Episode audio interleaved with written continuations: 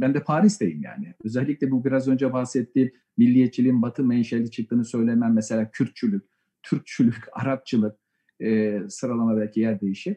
E, onlar dahi buradan çıktı. Ne kadar yerel e, bir ileri de olsa bu düşüncelerin dokuları buraya ait yani. Şimdi e, fakat beri taraftan da e, İslam'ın terakkiye mani olduğunu buradaki Ernest Renan'dan beri çok güçlüce e, müşterileri de olan bir dönem e, geçirdik.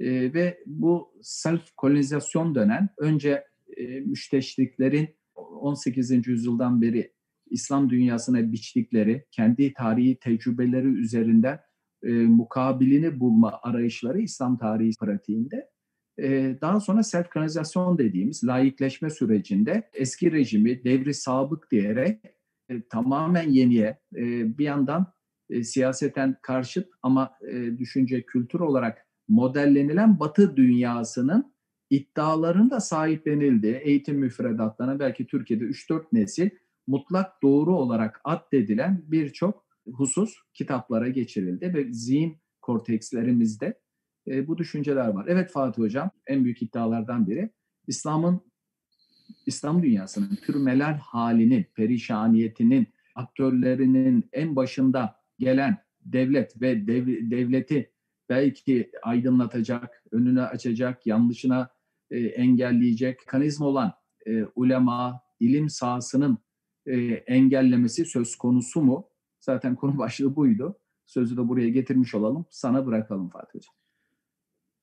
Şimdi e, bu tip sosyal olaylarda bir tane gerekçe üzerine e, bütün e, sebepleri e, bina edemezsiniz. Yani bunların birçok etkeni olabilir ve e, bu etkenlerin ne kadar sürekli olduğu, ne kadar devam ettiği, ne zaman başladığı, ne zaman bittiği e, bunlar çok iyi tahlil edilmesi gerekir. Yani böyle sadece bir sebep üzerine e, kurgu yaptığınız zaman bütün her şeyi açıkla, açıklayamazsınız. Yani onun tarihi perspektifini iyi çizmeniz gerekiyor.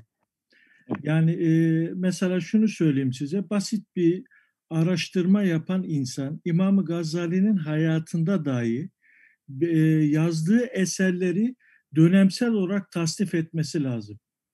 Mesela gençlik zamanında yazdığı eserler, Nizamiye'de yazdığı eserler, Nizamiye'den e, zamanda buhrana düştüğü zamandaki eserler, son zamanlarındaki eserleri bunlara tasnif etmesi lazım. Ama ama İmam Gazali'den önce ve sonra diye çok basit belki bin yıllık bir dönemselliği siz diyorsunuz. Hayır hocam yani bir insan sadece hayat... İmam Gazali'nin kendi hayatını dönemselleştirmek lazım diyorsunuz. Tabii sadece onun hayatı yani bunu biraz daha geriye gidelim. İmam Şafii'nin hayatını bile dönemsel olarak ayırmak zorundasınız. Yani onun e, Yemen'deki dönemi, Basra'daki dönemi, Mısır'daki dönemi ya bunlar zaten e, e, iyice inceleyen insanların karşısına çıkacaktır. Yani 1400 yıllık tarihi yani bir yerde donuklaştırıp onun üzerine gerek gerekçe üretemezsiniz hocam. Bunlar yani e, çok basit kaçar. Yani bunları temellendirmek ya çok basit anlamlandırmaya sebep olur. Yani meseleleri açıklayamazsınız. Yani tahayyülat boyutunda kalır onlar. Hocam o zaman şunu diyebilir miyim senin demek istediğini? Bu modern çağın ilmi yaklaşımının e, en büyük yanılsamalarından biri disipliner yanılsama.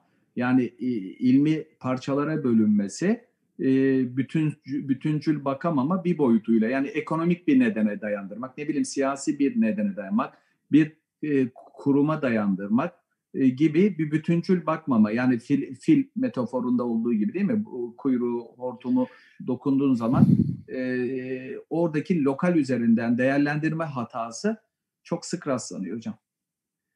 Ee, mesela Hoca Efendi'nin e,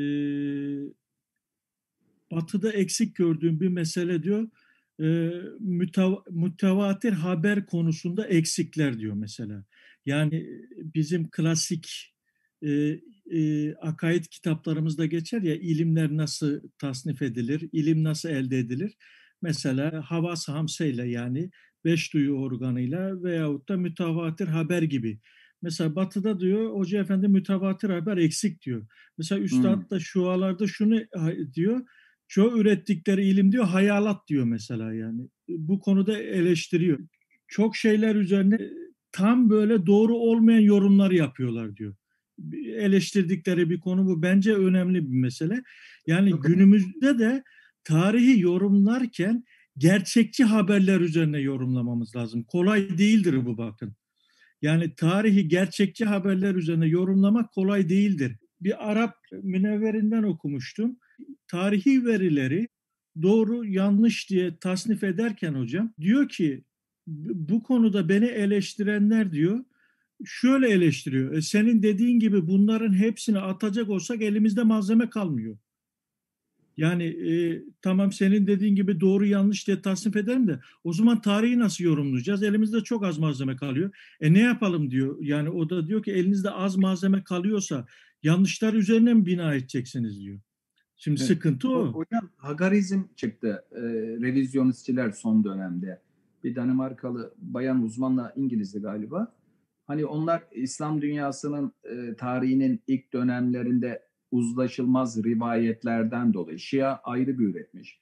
Emeviler zamanında karşılıklı hadis üretimleri falan anlatılan mevzular hani hep diyorum ya 200 yıl sonra ilk Raşid halifeler döneminin itilaflar dönemine ait yazıldı diyordum ya. Fakat inanılmaz yani buradan istediğim bir e, perspektifte rivayetler zinciri uydurabilirsin. Bir mantıklı bir e, şey tez ortaya sunabilirsin. Bunun tam tersi karşıda da yine rivayetler üzerine sunabilirsin. Hem de aynı kitaptan zıt bilgiler falan bunları görünce bu sefer mütevatirlik konusunda yani gerçek sağlam e, bilgi konusunda bir şüphe uyandırıyor. Mesela düşün hocam Sezar'ın Galya'da e, yaptığı savaşları e, neredeyse bir kaynak var. Kendi yazdırdığı kaynak.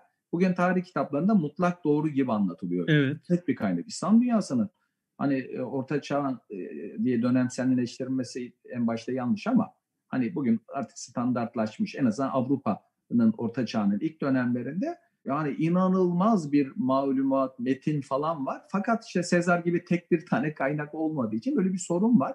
Şimdi hocam şöylece bir şey yaparak e, İslam Hazreti Peygamberle birlikte önce siyaset meselesini şey yapalım.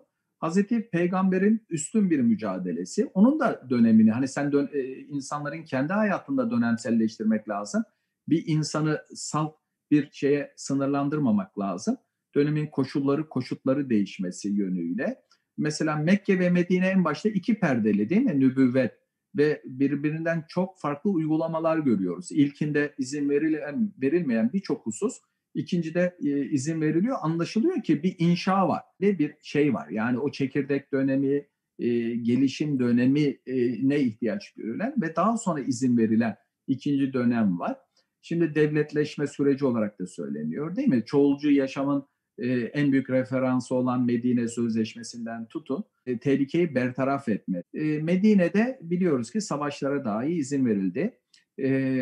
Tabii ki bunlar bir erdem üzerine bir meşruiyet şartları olan şeylerdi. Şimdi Allah Resulü ilginç bir şekilde en ufak ahkamlara kadar örnek olan yani lavaboya hangi ayakla gireceğin, yemeği hangi elle yiyeceğine kadar detayları dahi bildiren e, Hazreti Peygamber e, ani, keskin, hızlı bir ölümle vefat etmemesine rağmen en az 13 günlük sürmesine rağmen, geleni gideni çok olmasına rağmen hemen e, hücresinin yanında e, Müslümanların toplanıp böyle ki bütün devlet görüşmelerinde Efendimizin yaptığı yaptığı ofis gibi diyebileceğimiz Mescid-i Nebevi'de toplanmasına rağmen e, sadece namaza geçen imamiyeti yapacak Hazreti Ebu Bekir dışında bu konuyla alakalı sizin başınıza kim geliyor hiçbir şekilde söylemiyor. Bu çok ilginç bir şekilde bir kenarda duruyor.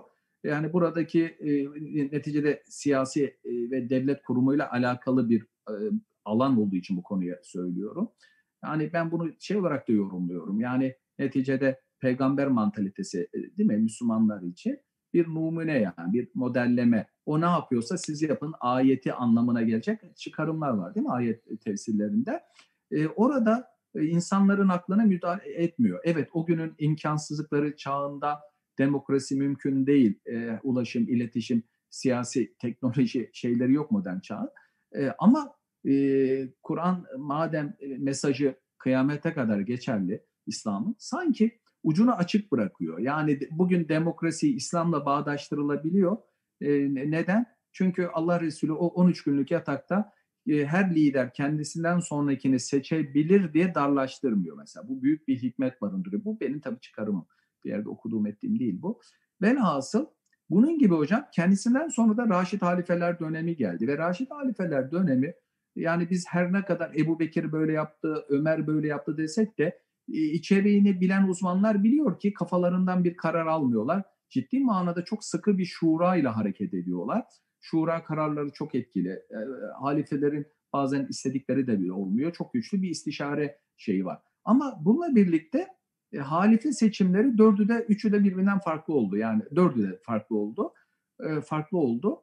E, ta ki Emeviler dönemine kadar e, bir hanedanlık falan kurulamadı. Hazreti Ebu Bekir evet biat edildi, istişaresi geldi, insanlar biat etti. Hazreti Ebu Bekir, Hazreti Ömer'i seçmeden önce çok yoğun bir şekilde kurucu e, işte sahabeleri, o devletin kurucu sahabeleri birer birer yoğun bir şekilde istişare etti. Hazreti Talha dışında itiraz eden olmadı Hazreti Ömer'in seçimine ama biliyoruz ki de e, bir şey var. Hazreti Ömer bu vesile seçildi. Daha sonra Hazreti Osman işte aşere-i mübeşereden kalanlara bırakıldı. Daha sonra da fitne dönemlerinde Hazreti Ali'ye bir bölümü o kargaşa etti falan. Ama ondan sonra hocam Emeviler dönemi başladı. Hanedanlık dönemi başladı diye mesela Türkiye Cumhuriyeti'nin daha doğrusu İttihat Terakki ile başlayan laikleşme Osmanlı'dan Osmanlı'nın son 10 yılı diyelim. o dönemde öyle bir dönemselleştirme yapılıyor ki hocam. 661'den 1909'a kadar ee, İran'da da biliyor musunuz o Şah laiklik döneminde de yine 1661 tarihinden e, şeye kadar veya e, tam 1661'i bilmiyorum. Belki onlar Hazreti Ebu Bekir'in seçimiyle başlatırlar. Şeye kadar e, siz söyleyin. E, 1905'teki İran meşrutiyet e, devrimine kadar. Fas'ta e, bu Batı hegemonyası ile birlikte başlayan 1881'de başlatırlar. Yani modern çağın dönemsellikleri genelde Emeviler dönemiyle birlikte e, bir zorbalık, bir hanedanlık iktidarı aldı. Daha sonra ulema, e, ulemayı da istediklerini, yani, ülkeyi yönetebilme adına, halkı yönetebilme adına kendi meşrutiyeti ulema üzerinden sağladılar diyor. Siz ne dersiniz? Şimdi e, şuna göre e, bu konuya gelmeden önce Kur'an'ın çizdiği bir perspektifi söylemek istiyorum. Eyvallah. Yani Kur'an-ı Kerim e, bize peygamberlerin hayatlarında otoriteyle mücadele ettiklerini gösteriyor. Yani mesela Musa Aleyhisselam e, Mısır medeniyetinde Firavun'un zulmü ve yanlış itikatıyla insanlara işkence etmesiyle mücadele ediyor değil mi? Bir otoriteye karşı evet. e, bir başkaldırıdır bu. Ve İbrahim Aleyhisselam'ın Nemrut'a karşı mücadelesi. Evet veyahut da e, Nuh Aleyhisselam'ın yani şehrin ilerleri ileri gelenleri tarafından yani sana e, içimizdeki akılsızlar iman ederken biz sana iman edeceğiz. Yani bizim ayak takımımız sana iman ederken mi biz sana iman edeceğiz? Yani küçük görme yani biraz yüksekte olanları mesela sağ, e, mevki şey olarak yani konum olarak veya Salih Aleyhisselam'ın Neml suresi 48. ayette anlattığı gibi mücadele ettiği bir şehir konseyi var. Dokuz kişilik yani. Yani bakarsanız peygamberler otoriteyle devrindeki devletlerle mücadele etmişler yani. Bunu görebiliyoruz. Veya İsa Aleyhisselam'ın Roma devletinin içinde neşet etmesi, o, o devirdeki e, dini kesimle mücadele etme çok ağır ifadeleri vardır. Mesela Ferisilere karşı. Ferisiler o devirde Beni İsrail'in e, muhafazakar kesimi. Engerekler sürüsü diyor mesela onlara. Mesela e, dışı boyalı mezarlıklar diyor mesela onlara. Yani süslü mezarlıksınız diyor yani. İncil aktarımıyla. Bunu Yahya Aleyhisselam da söylüyor. Veya yani bizim en temel değişiklikler din eksenli oldu de, evet bu yani otoriteye karşı yapılıyor. Yani evet. veyahut da Yas, Yasin suresinde anlatılan o şehrin öbür tarafından koşup gelen insan. Bakın sentrumdan gelmiyor o insan. Yani min medinetel aksa diyor. Yani şehrin en uzak noktasından koşup geliyor. Yani dıştan gelip yani bu mesajı veriyor size. Bunlar önemli. Veyahut da Yahya Aleyhisselam'ın e, bir kral tarafından şehit edilmesi. Yine İncil aktarımıdır ama e, Müslüman alimler de tefsirlerinde bunu onaylamışlardır yani. E, ikinci yani, hmm. ya, yani bunlar bize bu devletlerdeki yapılan zulümlerin, otoritenin, baskının yani e, itikati sorunların peygamberler tarafından kabul edilmediğini gösteriyor hocam. Yani bunlarla mücadeleyi yansıtıyor bize Kur'an-ı Kerim. Şimdi bunu okuyan kitlede zihinde oluşacak, oluşması gereken otoritenin her zaman haklı olmayacağı düşüncesidir. Rivayetteki e, açık tabirle yani itaat marufa yapılır hocam. Yani başınızdaki otorite size marufu emretmiyorsa size it ona itaat edilmez. Değil mi? Yani Kur'an-ı Kerim'deki Kur'an-ı Kerim'deki e, itaat ayetlerine bakarsanız tefsirlerdeki yorumlarda mesela mesela e, Nisa suresindeki ayeti kerime en önemli e, ayet ok bu konuda. Ulul emir yani, değil mi ayet? Ulul emr ama şimdi ona baktığınız zaman Kadı Beyzavi diyor ki mesela bununla o, yani sizin içinizdeki ulul emre itaat edin derken Kadı Beyzavi diyor ki o ayetten bir ayet önce Allahu Teala adalete emrediyor diyor. Evet, evet. Yani ondan bir ayet sonra diyor itaate emrediyor. Demek ki itaat şartlı. Ayet tam ayeti bir okuyun da hocam. Meali. Yani bir saniye. Yanlış bir şey olmasın. Orada e, çok tartışma yapılan bir ayet üzerinde. E, evet. Emir siyasi liderler mi, e, ilim adamları mı, ulema mı diye değil mi? Onu da açıklayayım. Ee, şimdi Fahrettin Razi'ye bakarsanız bir yorumunda ulul emri alimler olarak açıklıyor. Fahrettin Razi. Yani e, çok önemli gerekçeler ortaya koyuyor. Bunlar diyor ulul emr diyor alimlerdir diyor. Ebu Suud'a bakarsanız bizim meşhur müfessirimiz ulul emirden maksat diyor Hülefer Raşidin ile onların yolundan giden hakka bağlı hükümdarlar ve adil amirlerdir diyor zalim hükümdarlar diyor Allah ve Resulünden sonra diyor kendilerine itaat edilmek hakkından çok uzaktırdırlar diyor mesela. Şimdi Kurtubi'ye bakarsanız e, Kurtubi bu konularda çok net ifadeleri var. Diyor ki sultana itaat hususlarda icap eder. Yani sultana itaat Allah'a itaat olan hususlarda icap eder diyor. Fakat Allah'a masiyet olan hususlarda itaat vacip değildir diyor açıkça şunu söylüyor kitabından hocam. Bundan dolayı diyor çağımızın yöneticilerine itaat, onlara yardımcı olmak, onları tazim etmek caiz değildir hocam diyor. Evet. Bakın Kurtubi öyle kış, e, kıyıda köşede kalmış bir insan değil. Yani devrindeki yöneticilere diyor ki tazim etmek, itaat etmek hocam, caiz değildir. Diyor. Öyle. Ayeti tam okur musunuz?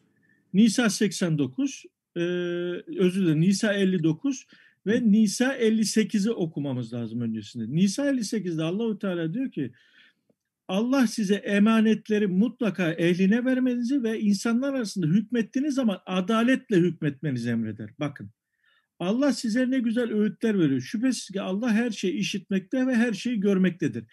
Hemen bunun akabindeki ayeti kerimede, hemen bunun akabindeki ayet-i kerimede ey iman edenler Allah'a itaat edin, peygambere itaat edin ve sizden olan ulul emre de itaat edin. Eğer bir hususta anlaşmazlığa düşerseniz Allah ve ahiret gününe gerçekten inanıyorsanız onu Allah'a peygambere götürün. Bu elde edilecek sonuç bakımından hem hayırlıdır hem de en güzeldir diyor. Şimdi buradaki ulul emir evet e, Resulullah Aleyhisselatü Vesselam'ın zamanında e, tayin ettiği amirler olabilir veyahut da e, görevlendirdiği memurlar olabilir. Yani bunlara e, Resulullah Aleyhisselatü Vesselam görevlendirdiği için e, e, itaat etmek gerekir. Fakat mesela Resulullah Aleyhisselatü Vesselam bir ordu tayin ediyor. E, bu ordu tayin edildiği zaman ordunun içindeki askerlerin itaatinde şüphelenen komutan ateş yaktırıp onları ateşin içine girmeyi emrediyor değil mi? E şimdi döndüğü zaman sahabe bunu anlattığında o ateşin içine girseydiniz hiçbir zaman oradan çıkamazdınız diyor. Hayır bu konuda itaat edilmez yani. Size yani maruf emredildi. İtaat ancak marufa olur yani. Maruf emredildiğinde itaat edilir. Yoksa otoriteye e, mutlak itaat diye bir şey yok hocam. Hocam böyle bir şey yok. O zaman burada birazdan meseleyi takipçilerimizin de e, için biraz daha mesele keyfi de olsun, anlaş daha da anlaşılır olsun diye e, bazı şeylerin e, tasnifini yapalım. Şimdi e, ben biraz önceki ayetle alakalı şey mesela benim çok kafama şu da yansıyor. ulul emre itaat edin dedikten sonra hani bir şeyde sürüncemede kaldığın zaman Allah ve Resulüne getirin. Şimdi bir devlet başkanında bulamadığını Allah ve Resulüne getirmek çok uyuşmuyor gibi. Yani ancak e, o kitaptan, şarihten yani Kur'an'dan ve sünnetten e, istifade eden, onlardan e, işte ışığında e, ilmini sunan insanlar e, bir şey bulamazsa işte siz kaynaklara falan başvurun da çıkartılabilir gibi. Bu çok tartışma. Yani İslam meselesinde e, şu bir bilinmesi lazım. Yani e, Raşid halifeler dönemi e, biraz böyle bir cemaat havası gibi. Yani tam bir profesyonel işte bir İran'daki bir Bizans'taki devlet yapılanması değil.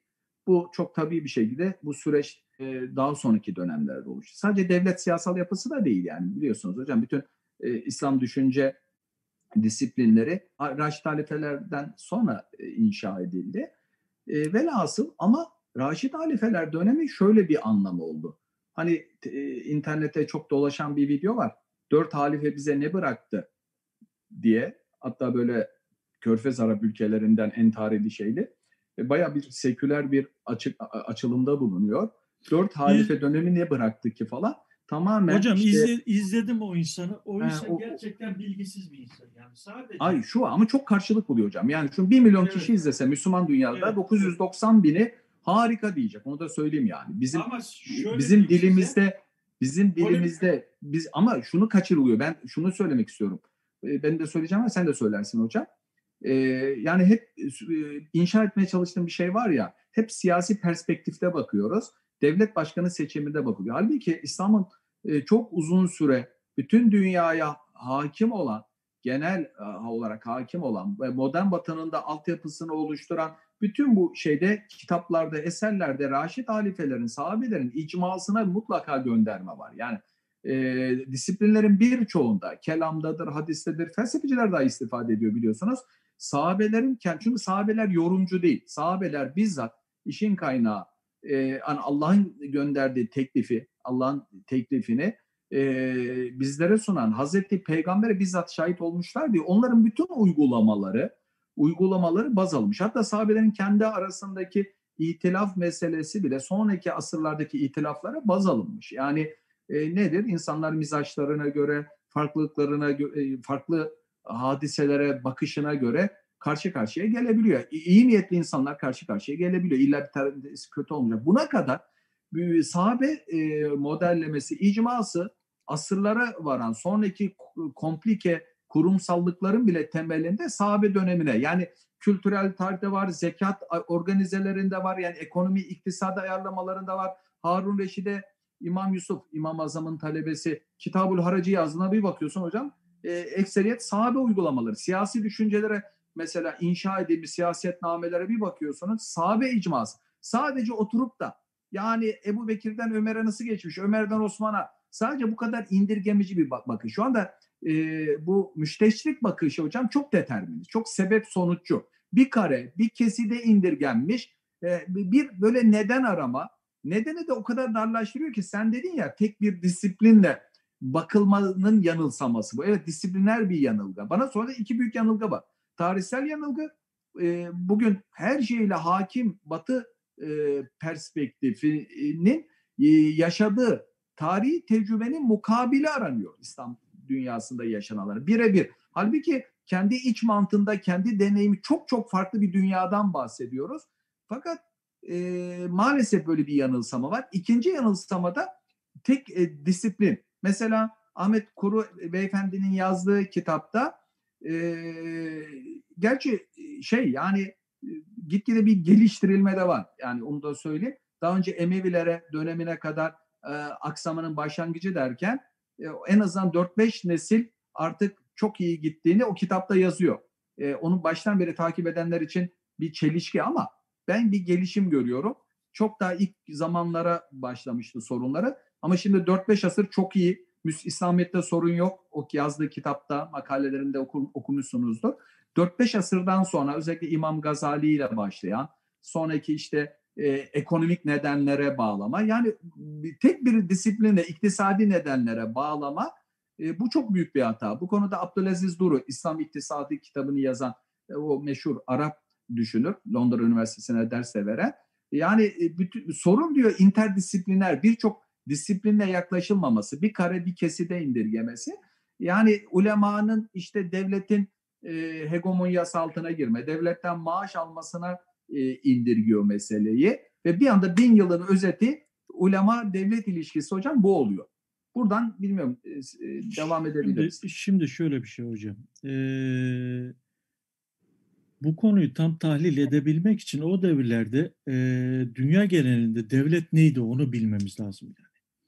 Yani din ve devlet ilişkisi neydi? Kesinlikle. Şimdi bugünden o güne baktığınız zaman çok anakronolojik olur. Yani bu içinde değerlendirmek lazım. Mesela bakın Hristiyanlıktaki e, en önemli bu devlet din ilişkisini yazan Augustinius mesela onun direkt kitabı var hocam. Tanrı Devleti diye kitabı var. Bu, yani bu şey, orta çağa kadar geç orta çağa kadar onun düşünceleri hakimdi değil mi? Augustinius yani e, Tanrı evet. Devleti diye kitabı var yani bu 4. yüzyılda. Augustinius'un Tanrı Devleti e, ortaya çıkarması. Ya ondan önce de vardı hocam. Devleti tanımlamak sadece onunla başlamadı. Platon'un devletle alakalı bir kitabı var. Mesela bizim burada Farabi'nin Medunatıl Fadılası var yani ona atfen yazılmış. Ama Platon'un e, yazdıkları hiçbir zaman uygulanmış bir devlet profili değildir hocam yani. Zaten bundan sebep İbn Haldun da Farabi gibi o filozofları eleştirir. Yani bunlar hep diyor normatif bir şeyler yazıyor ama reel hayat bunların yazdıkları gibi değil diyor. Şey çok rasyonalist hocam, realist. E, çok realist yani siz... öyle öyle idealize yok ya yaşanmışa bakın.